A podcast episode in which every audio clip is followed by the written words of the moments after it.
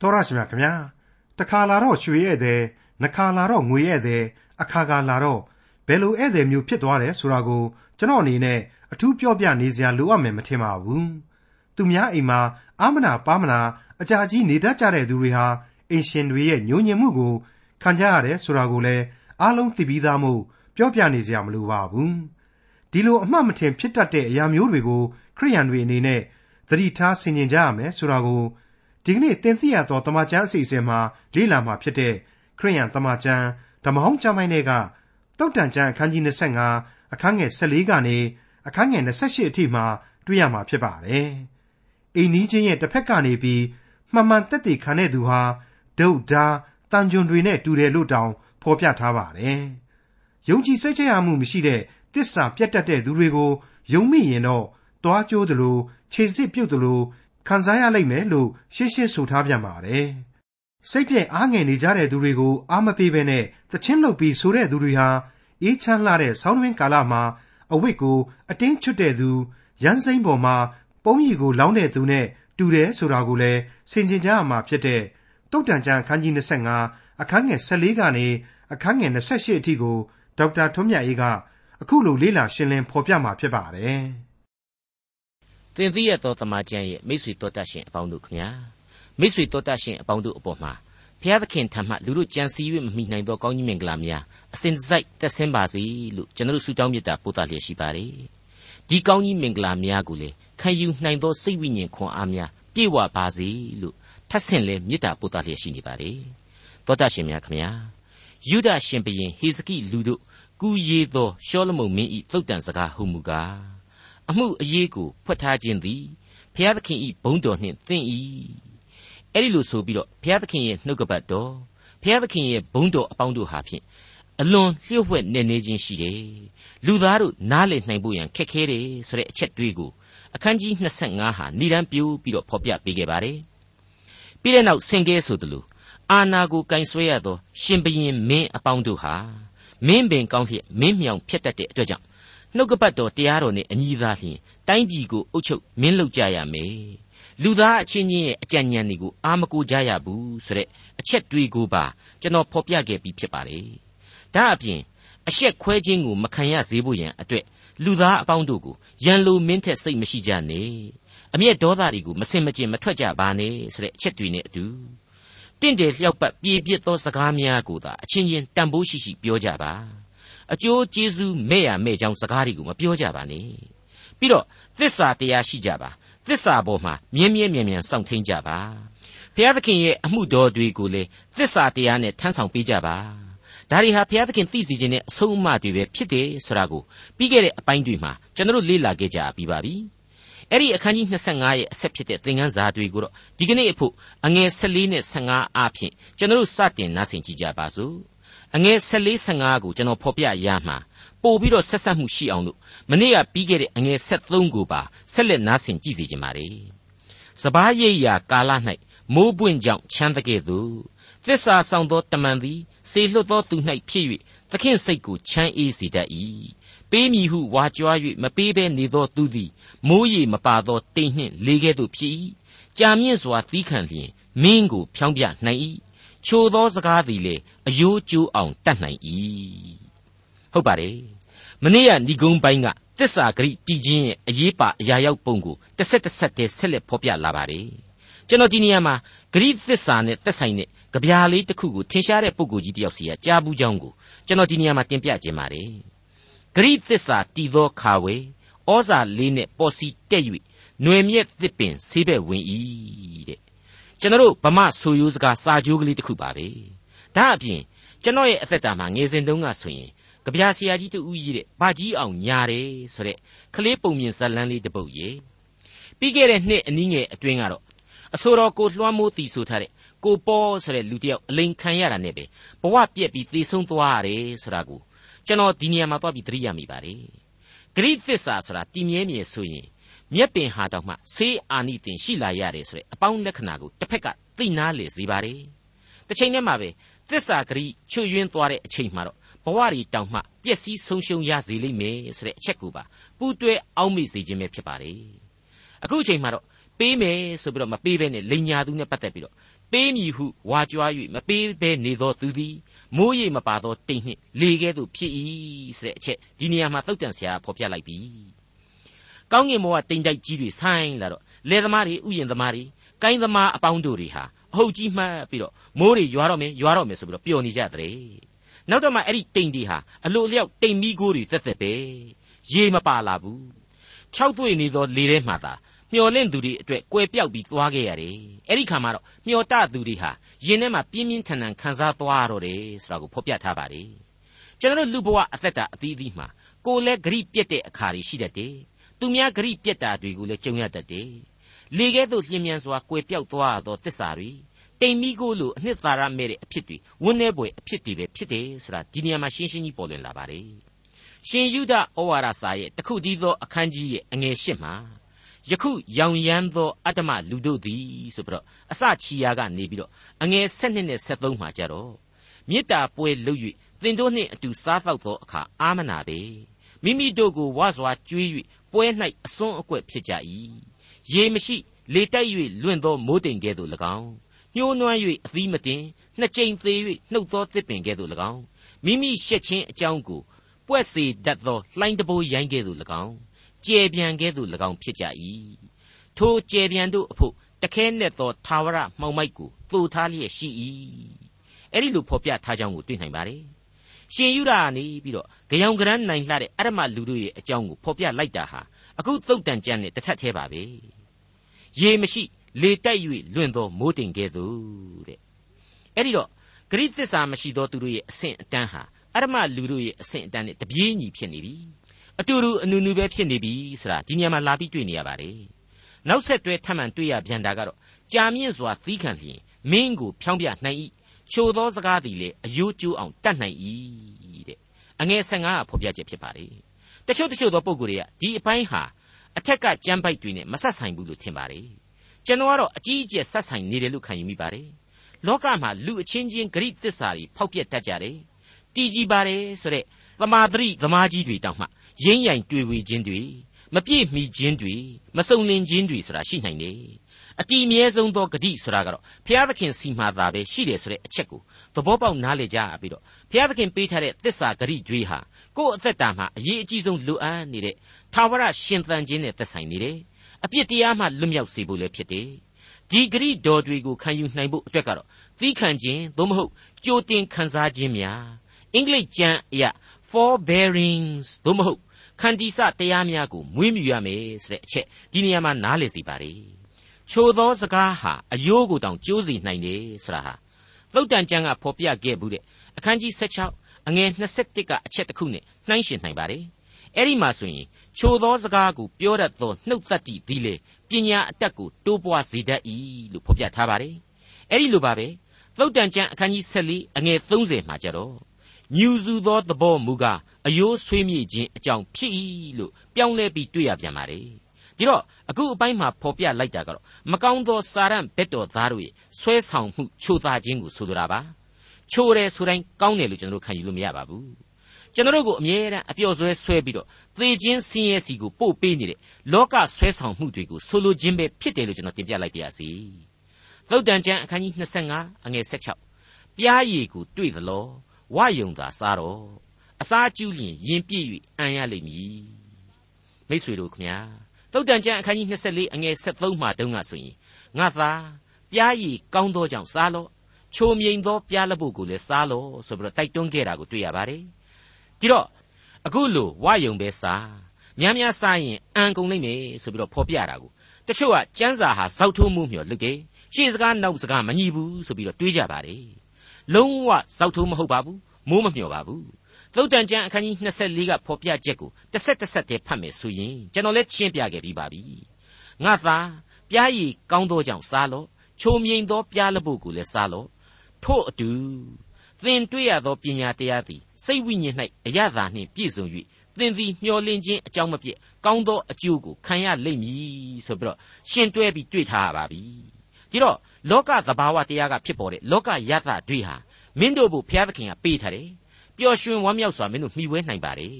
ဒါပေမဲ့မင်းတို့လူဘဝမှာမျောလင်းခြင်းတို့ကိုဖြည့်ဆည်းပေးနိုင်တာဟာတထာဝရဘုရားကိုကြောက်ရွံ့ခြင်းနဲ့ကိုးကွယ်ခြင်းနှုတ်ကပတ်တော်ကိုလိုက်လျှောက်ခြင်းတို့သားလျင်အဓိကဖြစ်တယ်ဆိုတာကိုရှင်တွဲဖော်ပြလိုက်ခြင်းနဲ့အတူတူပဲဖြစ်ခဲ့တယ်ဆိုတာကိုကျွန်တော်တင်ပြခဲ့ပြီးပါပြီ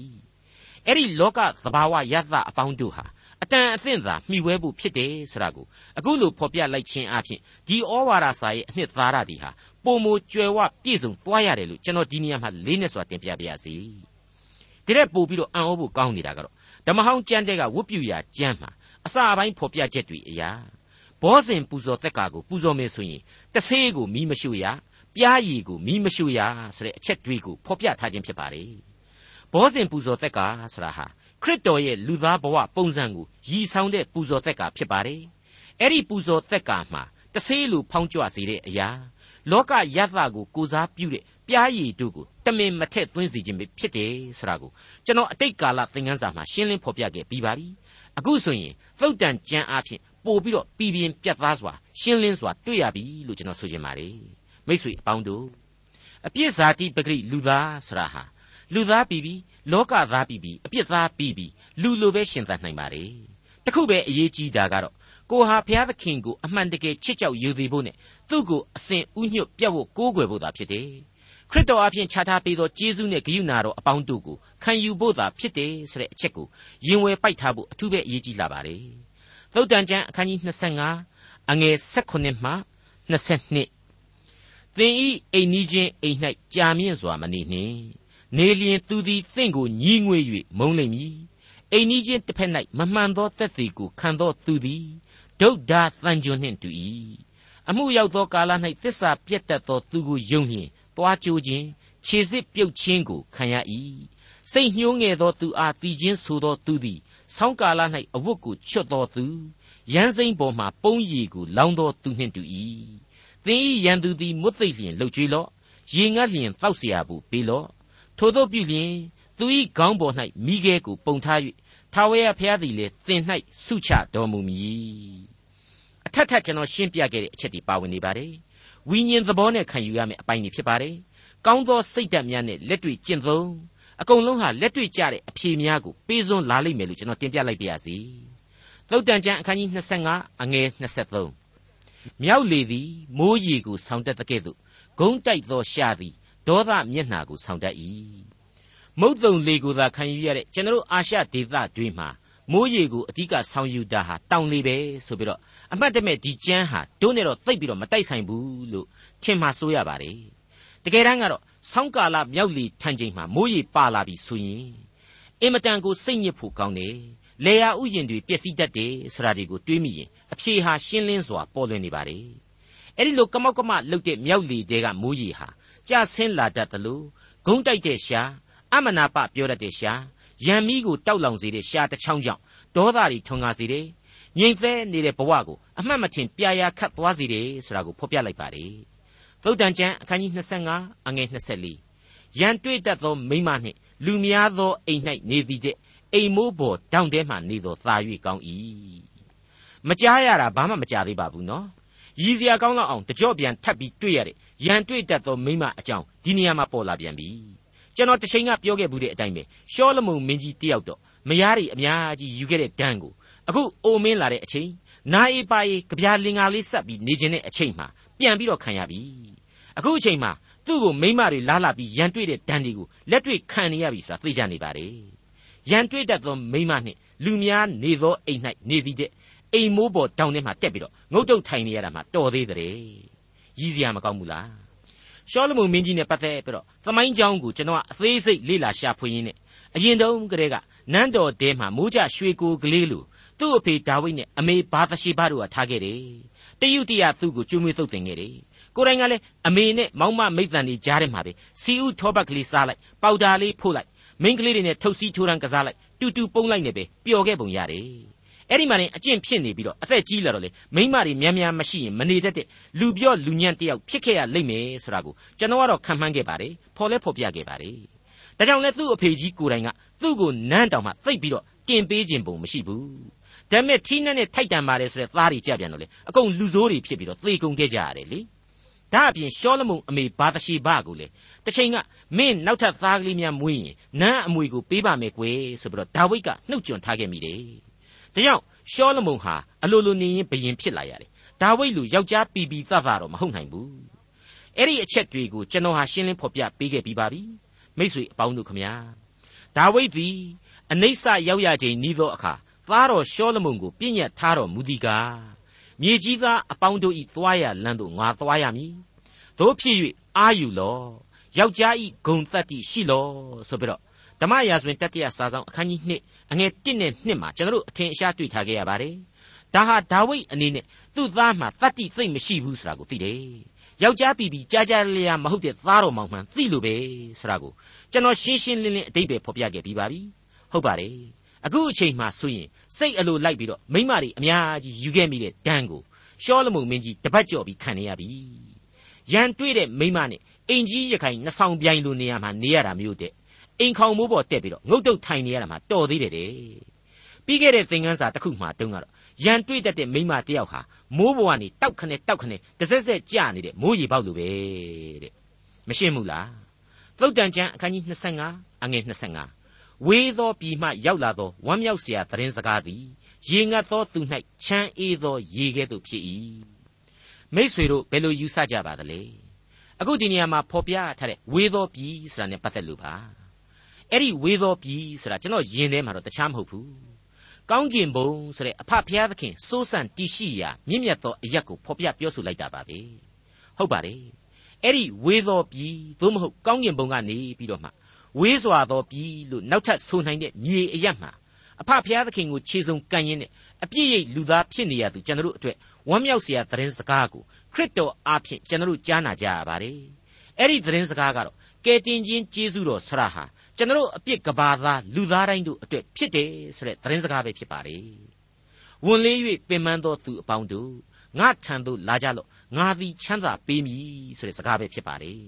။ရှင်ယောဟန်ခရစ်ဝင်ကျမ်းအခန်းကြီး16အငယ်29နဲ့28ကိုကြည့်လိုက်မယ်ဆိုရင်အခုလိုတွေ့နိုင်ပါတယ်။အကြောင်းမူကားသင်တို့သည်ငါကိုချစ်ကြ၍ငါသည်ဖျားသခင်အထံတော်မှကြွလာသည်ကိုယုံကြည်ကြသောကြောင့်ခမည်းတော်သည်ကိုတော်တိုင်သင်တို့ကိုချစ်တော်မူ၏ ငါသည်ခမည်းတော်ထံမှထွက်၍ဤလောကသို့ကြွလာပြီတဖန်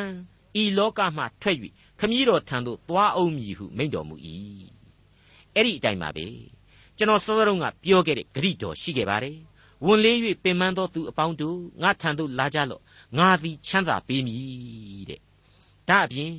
ငါသည်အသက်ရှင်သောကြောင့်သင်တို့သည်လည်းအသက်ရှင်ရကြလိမ့်မည်ဆိုတဲ့သစ္စာဂရိလည်းရှိခဲ့ပါသေးတယ် သုတ်တန်ကျမ်းအခန်းကြီး25အငယ်26ဖြောက်မတ်သောသူသည် မတရားသောသူရှိတွင်မှားယွင်းလျင်နောက်သောရေကန်ပုတ်သောစမ်းရည်တွင်နှင့်တူ၏အတိုင်းတဲ့အလွန်သတိတရားရစေတဲ့အဆုံးအမတစ်ခုပါပဲယုံကြည်သူကျွန်တော်တို့လူသားအားလုံးတို့ကိုပြင်းပြင်းထန်ထန်သတိပေးလိုက်တဲ့အချက်ပဲလို့ကျွန်တော်ခံယူပါတယ်တစ်ချက်တည်းနဲ့လေဒီအပိုင်းမှာယောဘဝတ္ထုတဲကယောဘဆိုတဲ့ပြေဝစုံလင်သူဆိုတဲ့ပုဂ္ဂိုလ်ကြီးအကြောင်းကိုတွားပြီးတော့ကျွန်တော်သတိရမိစေပါတယ် ဖြောင့်မတ်ပါတယ်ဆိုတဲ့လူကြီးပြေဝစုံလင်ပါတယ်ဆိုတဲ့လူကြီးဟာအမြဲတမ်းတော့စံချိန်မီပုဂ္ဂိုလ်ကြီးဆိုပြီးတော့ဘုရားသခင်ရဲ့ရှုထောင့်မှာမရှိနိုင်ခဲ့ဘူးတကွက်မဟုတ်တကွက်ကြောင်စမြဲကြောင်တတ်တယ်တကွေးမဟုတ်တကွေးမှာတော့ချွတ်ချွတ်ချော်ချော်တွေဖြစ်တတ်တယ်ဘုရားသခင်နဲ့ပတ်သက်လို့အကျွင်းမဲ့နောင်တကျိုးပဲ့ကြေမွာသောစိတ်အစဉ်တို့နဲ့သာကိုးကွယ်ရမယ်ဆိုတဲ့အချက်တွေးကိုလေယောဘဝတ္ထုအဖြစ်ကျွန်တော်တို့သင်ခန်းစာရယူခဲ့နိုင်ပါပြီကျွန်တော်လည်းအသေးစိတ်ရှင်းလင်းဖော်ပြခဲ့ပြီးဖြစ်ပါတယ်ဟောအခုဆိုရင်ကြည်စမ်း ဖြောက်မှတ်တဲ့လူတဲ့တနည်းအားဖြင့်ဘုရားသခင်ဘက်တော်သားတော့ဘက်တော်သားပဲနော်ဒါပေမဲ့လူသားဖြစ်တဲ့အတွက်ကြောင့်တခါတရံမှမတရားသောသူတွေရှိမှမှားယွင်းမှုကလေးတွေဖြစ်နိုင်တယ်အဲ့ဒီခါမှာတော့သူ့စီကစီးဆင်းရမယ်သက်ဆန်းရေးကြီးဟာအလိုလိုနောက်ကြည့်သွားရပါလေရောပုတ်သွားရပါလေရောတဲ့ရှင်းနေတာပါပဲကျွန်တော်ကယောဘအကြောင်းကိုသာပြောနေရတာပါနှုတ်ကပတ်တော်ကလည်းဒါကိုပဲအလေးအနက်ထားခဲ့တဲ့အတွက်ကြောင့်ကျွန်တော်ဒီအကြောင်းကိုပဲကျွန်တော်ကလွယ်လွယ်ကူကူသက်သေပြုနေရတာပါအမှန်တော့ ကျွန်တော်မျက်မှောက်ခေတ်ကာလနိုင်ငံရေးစီးပွားရေးလူမှုရေးနယ်ပယ်အသီးအသီးကဖြောင့်မတ်ပါတယ်ဆိုတဲ့ခရိယန်ယုံကြည်သူကြီးတွေအခြားမယုံကြည်သူတွေဘုရားသခင်ရှေ့တော်မှောက်မှာမဟုတ်တန်တရားတွေအမျိုးအမျိုးလုပ်နေတဲ့လူတွေနဲ့ရောအယောင်ပြီးတော့နာမည်ပြက်နေကြတာတွေမိစဉ်ကြည့်ပြီးကနေကြတာတွေစသည်စသဖြင့်တရုပ်ပြက်မြင်ကွင်းတွေကိုအများကြီးကျွန်တော်တို့မြင်တွေ့နေကြရပါတယ်ခရစ်တော်ရဲ့မေတ္တာတော်အလင်းရောင်ကိုကိုဟာမဆောင်ကျင်းနိုင်တော့ဘဲနဲ့ ကိုယ်တိုင်ဟာအမှောင်ကျသွားရတတ်တယ်ဆိုတာကိုအထူးသတိပြုမိကြဖို့သုတ်တန်ကျမ်းဟာတိုက်တွန်းလိုက်ပါတယ်ဒီအပိုင်းကိုရောက်တော့ဒီအချက်ကိုရှင်းလင်းတင်ပြရင်းနဲ့ခရစ်တော်ကိုမတီးမိခြင်းလူဘဝဆရာဟာအမှောင်ရိပ်မှရောက်နေတာသက်သက်မဟုတ်ဘူးကိုယ်တိုင်ဟာအမှောင်ဒုကြီးသာလင်ဖြစ်တယ်ဆိုတဲ့သဘောတရားကိုကျွန်တော်သင်ကြားခဲ့ပြီးပြီကြားနာခဲ့ကြပြီးပြီဆိုတာကိုသတိရမိပါတယ်မှန်ပါတယ် တမန်တော်ကြီးရှင်ပေါလုကနေပြီးတော့အေဖက်အသင်းတော်ကိုအခုလိုစာရေးသားဖော်ပြခဲ့တာကိုမိษွေတို့မှတ်မိကြပါစားအေဖက်ဩဝါဒစာအခန်းကြီး9အငယ်8မှ15အတွင်ကိုကြည့်ကြပါအထက်ကာလ၌သင်တို့သည်မှောင်မိုက်အတိဖြစ်ကြ၏ယခုမူကားသခင်ဖျား၌အလင်းဖြစ်ကြ၏တို့ဖြစ်၍အလင်းဤသားကဲ့သို့ကျင့်နေကြလော့အလင်းတော်ဤအကျိုးမူကားအလုံးစုံသောကောင်းမွန်ခြင်းဖြောင့်မတ်ခြင်းသစ္စာစောင့်ခြင်းဖြစ်သည် သခင်ဖျားနှစ်သက်တော်မူသောအရာသည်အဘယ်အရာဖြစ်သည်ကိုသင်ကြလော့အကျိုးမဲ့သောမှောင်မိုက်အမှုတို့နှင့်မဆက်ဆံသည်သာမကထိုအမှုတို့၏အပြစ်ကိုပြကြလော့အကြောင်းမူကားသူတို့သည်စိတ်ကြွယ်ရာ၌ပြုသောအမှုအရာတို့ကိုစကားပြောကာမျှနှင့်ညှဉ်းညူးခြင်းပါသေး၏အပြစ်ထင်ရှားသောအရာရှိသမျှတို့သည်အလင်းဖြင့်ထင်ရှားကြ၏ထင်ရှားစေတတ်သောအရာရှိသမျှသည်လည်းအလင်းဖြစ်၏ထို့ကြောင့်အိပ်ပျော်သောသူနိုးလောသေခြင်းမှထမြောက်လော တို့ပြုလျင်ခရစ်တော်သည်အလင်းကိုသင်အားပေးတော်မူမည်ဟုဆိုသည်ထို့ကြောင့်ပညာမဲ့ကဲ့သို့မဟုတ်ပညာရှိကဲ့သို့စိစိမြင့်မြင့်ကျင့်ဆောင်မည်အကြောင်းသတိပြုကြလောမိษွေတော်တတ်ရှင်အပေါင်းတို့ခမညာဒီနေရာမှာပညာရှိကဲ့သို့ပြုကြလောဆရာဟာသေချာဆန်းစစ်ကြည့်လိုက်တော့ဘုရားသခင်ကိုကြောက်ရွံ့ခြင်းသဘောနဲ့အရာရာကိုရှင်သန်နေထိုင်ပြုမှုဖို့ကိုဖော်ပြလိုက်ခြင်းပါပဲအင်မတန်ပြတ်သားရှင်းလင်းနေပါလေ ချမ်းအေးသောရေသို့မဟုတ်သက်ဆန်းရေကြီးကိုသာတောက်ကြပါတနည်းအားဖြင့်ခရစ်တော်ရဲ့ကယ်တင်တော်မူခြင်းကျေးဇူးတော်ကိုခံယူကြပါပြီးတဲ့နောက်မှာတော့အဲ့ဒီသက်ဆန်းရေကြီးလိုဘဝမျိုးကိုခံယူပြီးတော့ကိုယ့်ပတ်ဝန်းကျင်တစ်ခွင်ကိုစီးပြန့်စေကြပါနောက်ကြည့်တဲ့ရေအိုင်ပုတ်ဆက်နေတဲ့ရေအိုင်များမဖြစ်စေဖို့ရန်အတွက်ဆုတောင်းလို့အသက်ရှင်ကြပါရန်တိုက်တွန်းအားပေးလိုက်ပါတယ်သုတ်တန်ကျမ်းအခန်းကြီး25အငယ်29ပြားရည်ကိုစားကျူးလျင်မကောင်းတဲ့ကဲ့သို့ ကိုယ်ဂုံအသရေကိုရှာလျင်ဂုံအသရေမရှိအထက်ကအထက်ထပ်ဖော်ပြခဲ့တဲ့ပြားရည်ရဲ့အနှစ်သာရသဘောတရားဟာပြတ်သားရှင်းလင်းစွာနဲ့ပေါ်လာပါပြီပြားရည်ရဲ့တယုတ်ဟာသဘာဝတရားရဲ့ရတာဆုံးဖြစ်တယ်လောကနဲ့လူသားတို့အတွက်မြေသားတို့အတွက်အသက်ရှင်ရာကာလမှာကောင်းသောအရသာတစ်ခုကိုပေးစွန့်နိုင်တာမှန်တယ်။ဒါပေမဲ့ဘုရားသခင်ဟာအဲ့ဒီဇာတိပဂရိကိုအကျွင်းမဲ့အာမပေးနိုင်ဘူး။အကျွင်းမဲ့လက်မခံနိုင်ဘူး။ အဆင့်အတန်းချင်းမြင့်မြတ်မှုချင်းဟာသိပ်ကွာနေတယ်မဟုတ်ဘူးလား။လူသားနဲ့ဘုရားသခင်ရဲ့ကွာလှမ်းမှုဟာအနန္တကွာလှမ်းမှု။ဒီတော့အပြစ်လူသားဟာဇာတိပဂရိအရာစားသင့်တလောက်စားပါ။ဘုရားသခင်ကလည်းကြွေးမွေးပါတယ်။မှီဝဲသင့်တလောက်မှီဝဲပါ။ဒါပေမဲ့အယမ်းမစားကြပါနဲ့လောကအရာတွေပေါ်မှာအလွန်အကျွံမခုံမင်ကြပါနဲ့အာသာတငန်းငန်းတတ်မဲ့ဆွဲလန်းခြင်းမရှိကြပါနဲ့တဲ့အဲ့ဒါကိုဖော်ပြတာပါဒီလိုပါပဲ လူသားဟာကိုယ့်ရဲ့ဂုံအသရေဆိုတာကိုလေရှင်သန်ရာဘဝမှာအစဉ်အမြဲမျက်မျက်နုံနုံမွေးမြူကြတယ်မရရအောင်အားထုတ်ကြိုးပမ်းကြတယ်ဒါဟာအပြစ်ကြီးမဟုတ်ဘူးဒါမဲ့ကိုယ့်ရဲ့ဂုံအသရေကိုပဲအစဉ်ကိုဟာအမြဲတမ်းမဲ့မဲ့မောမောကြီးနဲ့ရှာပြီးတော့နေတာလည်းမကောင်းဘူးဂုံအသရေမရှိဘဲနဲ့ပြောင်းပြန်ဖြစ်သွားတတ်တယ်လို့ဆိုပါတယ်ဒီမှာဖော်ပြထားတဲ့ဂုံအသရေဆိုတာကတော့တခြားမဟုတ်ပါဘူးပြားရည်လိုပဲအလားတူလောကဆိုင်ရာဂုံအသရေကိုပြောခြင်းဖြစ်ပါတယ်ဖျားသခင်လိုချင်တဲ့ ကောင်းကင်နိုင်ငံတော်နဲ့ထိုက်တန်သောဝိညာဉ်ရေးဆိုင်ရာဂုံအသရေကိုပြောတာလည်းမဟုတ်ပါဘူးဒါကြောင့်မို့လို့လေဒီအပိုင်းမှာပြားရည်ရဲ့အကြောင်းနဲ့တမင်ရှင်တွဲဥပမာဆောင်ပေးလိုက်ခြင်းဖြစ်ပါတယ်ကျွန်တော်ယင်ထဲမှာတော့အတော်ကြီးကိုထိရိမိမိရှိတယ်လို့ပဲလို့ကျွန်တော်တွေးမိပါတယ်ခန်းစားမိပါတယ်ကျွန်တော်အသက်တာအတွေ့အကြုံတွေထဲမှာအဲ့ဒီလိုလောကဂုံအသရေတွေနောက်ကိုကောက်ကောက်ပါအောင်လိုက်စားလွန်းတော့ယုံကြည်ခြင်းအရာမှာပါအားပြော့သွားတာ ड़ी ဖျားသခင်ကိုမေ့လျော့ကြောခိုင်းတဲ့အခါမှာလောကဂုံကြက်တရီတွေလဲကိုကရလှပြီလို့အောင်မြင်လှပြီလို့ကိုကိုကိုထင်နေတဲ့ကြားတွေကပဲအဲ့ဒီဂုံအသရေတို့ဟာသင်္ခါရဂုံအသရေများပြီးပြီးမြေပေါ်မှာတင်တရွေ့ရွေ့ကွယ်ပြောက်သွားတတ်တယ်ဆိုတာကိုကျွန်တော်သတိပြုမိပါတယ်သူများကိုကြည့်ကျွန်တော်မပြောချင်ပါဘူးကျွန်တော်ကိုယ်တိုင်ဟာလည်းကြိမ်ဖန်များစွာမှာအဲ့ဒီလိုလောကဂုံအသရီဆရာကိုတောင့်တမိတာအမှန်ပဲလို့ကျွန်တော်ဝန်ခံခြင်းပါတယ်ငါဘာဖြစ်လို့ဒီလိုဖြစ်ရမှာလဲ ဒီလိုစူးစမ်းလိုက်ရင်ဒီလိုဖြစ်ထွန်းရမှာပေါ့တိုးတက်ရမှာပေါ့ကြီးပွားရမှာပေါ့ဆိုတဲ့လူမာနစိတ်ကူးကလေးတွေဟာယင်ထဲမှာခိုတွဲလိရှိပါတယ်အခုသုတ်တန်ဆရာကတော့လောကအယတာတွေကိုကြီးပဲရှာမနေကြပါနဲ့ကွယ်လောကဂုံစည်းစိမ်တွေကိုကြီးပဲလေမတောင့်တနေကြပါနဲ့ကွယ်တဲ့ကျွန်တော်မိษွေတို့အားလုံးကိုသိမ်မွေ့စွာတိုက်တွန်းလျက်ရှိနေပါတယ်လူလင်ပြိုလုံမပြိုကလေးတို့ကိုငယ်သောအရွယ်မှစ၍စင်ကျင်သတိတရားရနိုင်ရန် တွေးခေါ်မျှော်မြင်နိုင်ဖို့ရန်ဆုံးမတိုက်တွန်းအားပေးလျက်ရှိနေပါတယ်သုတ်တန်ကျမ်းအခန်းကြီး25အငယ်28ဏိဂုံကိုယ်စိတ်ကိုမချုပ်တီးနိုင်သောသူသည်မြို့ရိုးပြိုပြက်၍ဟင်းလင်းရှိသောမြို့နှင့်တူ၏ဒီအပိုင်းကိုရှောလမုန်မင်းကြီးရေးနေတဲ့အချိန်မှာအဖိုးကြီးရှောလမုန်သူ့ရဲ့အတိတ်ကိုပြန်ပြီးတော့ကောက်ပြီးတော့ဆင်ချင်းအောင်းမေ့ရင်းနဲ့ရေးသားနေတယ်လို့ပဲကျွန်တော်ကတွက်ပါတယ်စောစောကရန်တွေ့တတ်သောမိမအကြောင်းကိုစီကာပတ်ကုံဖွဲ့ဆိုခဲ့တယ်လို့ပဲပေါ့ ဒီရှောလမုန်မင်းကြီးဟာလေကျွန်တော်ပြောခဲ့တယ်လို့ဘုရားသခင်မကြိုက်တာတွေကိုလုပ်ခဲ့ပူပါတယ်မိမတွေအများကြီးယူခဲ့ပါတယ်ဘုရားသခင်ကမြင်းနေမမွေးနဲ့ဆိုတာကိုအများကြီးသူမွေးမြူခဲ့ပါတယ်ဣသရေလတိုင်းရဲ့ဧကရစ်ဘရင်ကြီးတစ်ပါးအနေနဲ့မြင်းတက်ကြီးရှိမှဆိုတဲ့အတွေ့အခေါ်မျိုးပဲပေါ့အခုကျွန်တော်ရဲ့ခင်မှာနိုင်ငံအသီးသီးနိုင်ငံကြီးနိုင်ငံလက်နိုင်ငံသေးဘယ်နိုင်ငံမဆိုဒုံးပြန်ကြီးတွေရှိမှစီရေးမှစိတ်ချရမယ်ဆိုတဲ့အတွေ့မျိုးဝင်တဲ့သဘောမျိုးပဲပေါ့ ဘုရားသခင်ရဲ့အမိန့်တော်ကိုအဲ့ဒီလိုဆန့်ကျင်ပြီးတော့မြင်းတွေအများကြီးမွေးခဲ့လေရဲ့သူကအဲ့ဒီလိုကြီးပွားကျင်တာကြီးပဲမဟုတ်သေးဘူးနော်မာနထောင်လွှားတာကြီးပဲမဟုတ်သေးဘူးနော်အဲ့ဒီမြင်းကိစ္စကိုဘယ်လိုဘယ်လိုဖြစ်သွားတယ်မသိဘူးဝါသနာတွေအစွဲအလန့်တွေအကြွားအဝါတွေကြောင့်လေမွေးမြူခဲ့ခြင်းဖြစ်တယ်အဲ့ဒီလိုစိတ်အလိုကိုလိုက်စားခြင်းဟာဘလောက်ကြီးကြောက်စရာကောင်းတယ်လဲဆိုတော့အဲ့ဒီစိတ်အလိုလိုက်သူရဲ့ဘဝဟာမြို့ရိုးကြီးတစ်ခုလုံးပြိုကျပြီးတော့ဟောင်းလောင်းပေါက်ကြီးဖြစ်နေတဲ့မြို့ကြီးတစ်မြို့နဲ့ဘာမှမထူတော့ပါဘူးတဲ့ ဒီတော့ဒီအပိုင်းဟာသူ့ရဲ့တန်ဝေကလင်္ကာပဲဒီအကြောင်းတို့ကိုသူရေးလိုက်တာဟာအဖိုးကြီးဘဝမှာဘုရားသခင်သူ့ကိုဆုံးမတာကိုခံရပြီ